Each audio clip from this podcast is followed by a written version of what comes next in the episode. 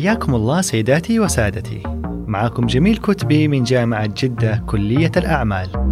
وأهلا وسهلا بكم في بودكاست سايدوز.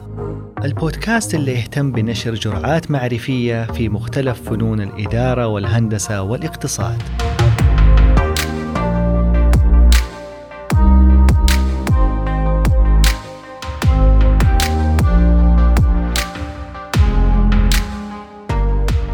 وحلقتنا اليوم عنوانها متلازمة المحتال.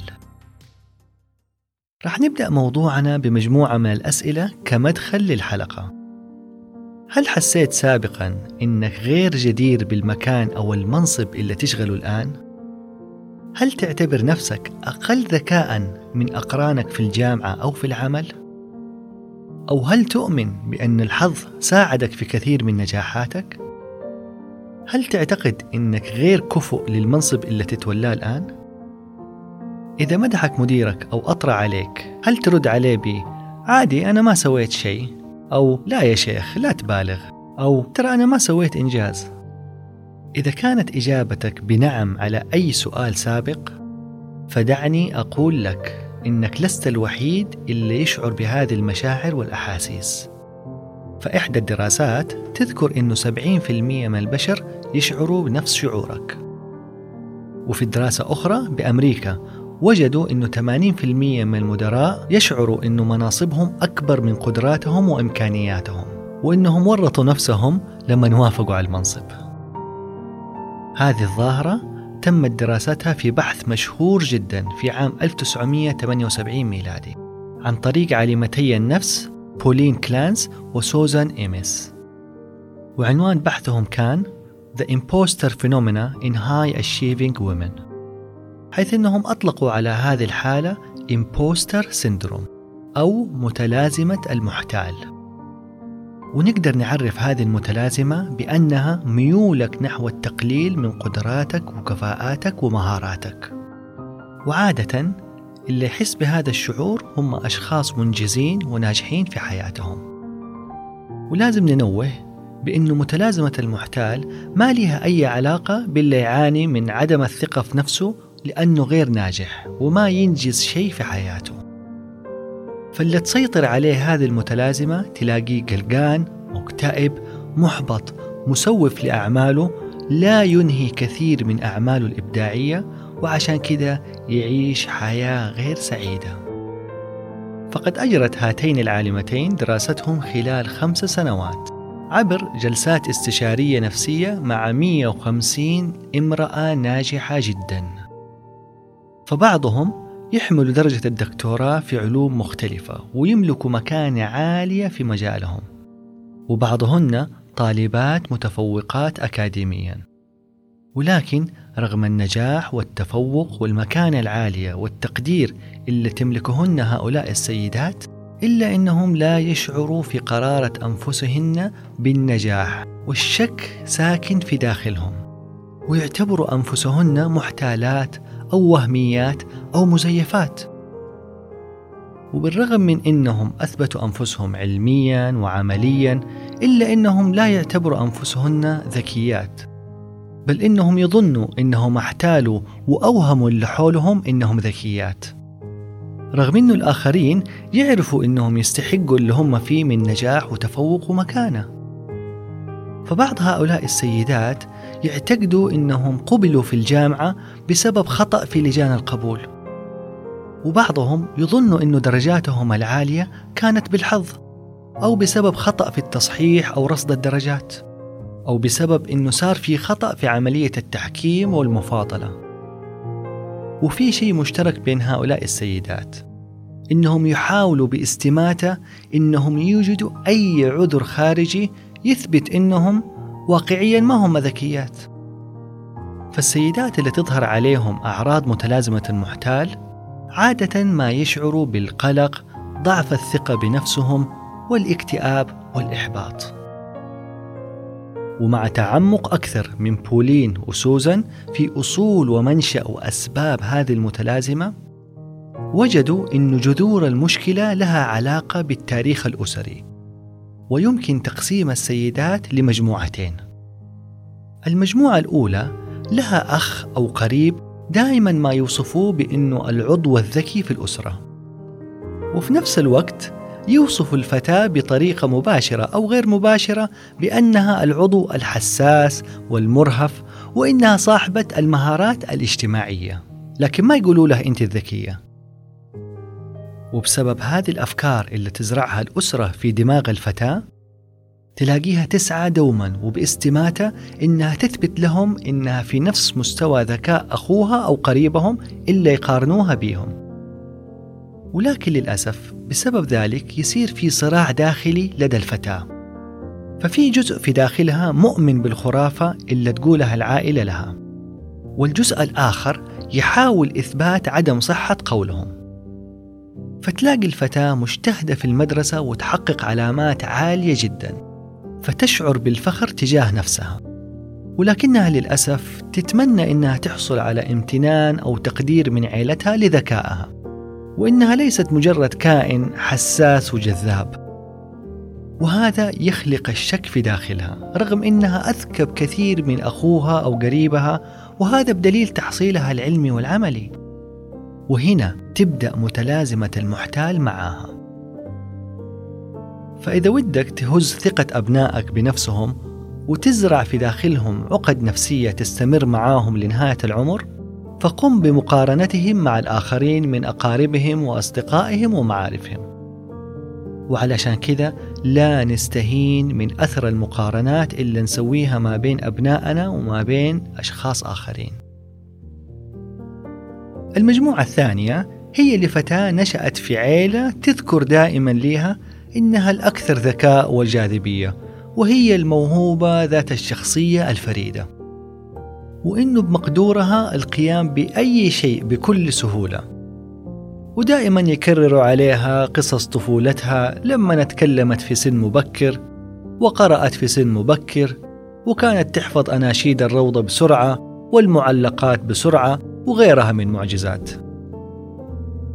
ومع مرور السنين وتجارب الحياة ومطباتها نجد إنها تعاني في بعض التحديات اللي تواجهها وتكتشف إنها ليست خارقة زي ما كانوا يقولوا أهلها عنها وإنها تنجز كل شيء بسهولة. وفي هذه الفترة المفصلية في حياتها يبدأ يسكنها الشك في قدراتها ومواهبها. رغم إنها ممتازة وذكية ولكن ينشأ في داخلها صراع داخلي مع الصورة اللي رسموها أهلها في مخيلتها مما يؤدي لإعادة التفكير في قدراتها ومواهبها وذكائها. وتقوم بتقييم نفسها مرارا وتكرارا. وهنا تبدأ معاها متلازمة المحتال. وكمثال على ذلك إنك تقول لبنتك لما تحصل على تقدير جيد جدا إنه كان بمقدورها الحصول على ممتاز. وحتى لو حصلت على تقدير ممتاز راح تقول لها إنه المدرسة متساهلة في الدرجات معاكم. وهذا بدوره راح يولد بداخلها المتلازمة. السؤال الآن هل هذه المتلازمة محدودة فقط على السيدات؟ في البدء كان يظن العلماء ذلك ولكن مع زيادة تعمقنا في الموضوع وجد العلماء إنها موجودة لدى الرجال الناجحين أيضا ولكنها ظاهرة أكثر لدى السيدات لأنه في هناك ارتباطية أكبر أو هاي كورليشن لمتلازمة المحتال لدى السيدات في المجتمعات اللي يظنوا أن المرأة لا تنتمي لحقول علمية معينة زي العلوم والهندسة والطب وغيرها. بالإضافة لذلك فإن المتلازمة أعلى ارتباطية لدى السيدات العاملات في بيئات العمل الرجالية والتي لا يوجد فيها أي عناصر نسائية في السابق. وعلشان كذا نلاقي أن العوامل الاجتماعية وثقافة الدول لها دور كبير في تعاظم هذه الظاهرة. فسقف التوقعات اللي ترسم بعض الثقافات في بعض المجتمعات يلعب دور مهم في هذه الظاهرة.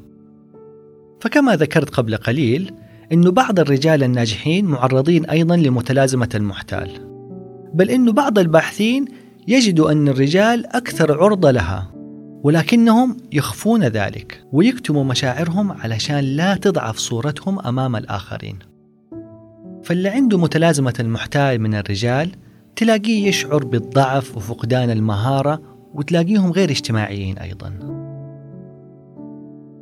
تذكر عالمة النفس الدكتورة فيليري يونغ في كتابها الأفكار السرية للسيدات الناجحات The Secret Thoughts of Successful Women إنه هناك خمسة أنواع من متلازمة المحتال وهي أولا المثالي وهو الشخص اللي يضع أهداف وطموحات عالية جدا وفي حال عدم تحقيقك لهذه الأهداف راح تبدأ بالشك في نفسك وفي قدراتك وتتخوف إنه يكتشف الآخرين إنك غير كفؤ وما تستحق المكانة اللي وضعوك فيها وإنه ظنهم فيك قد خاب.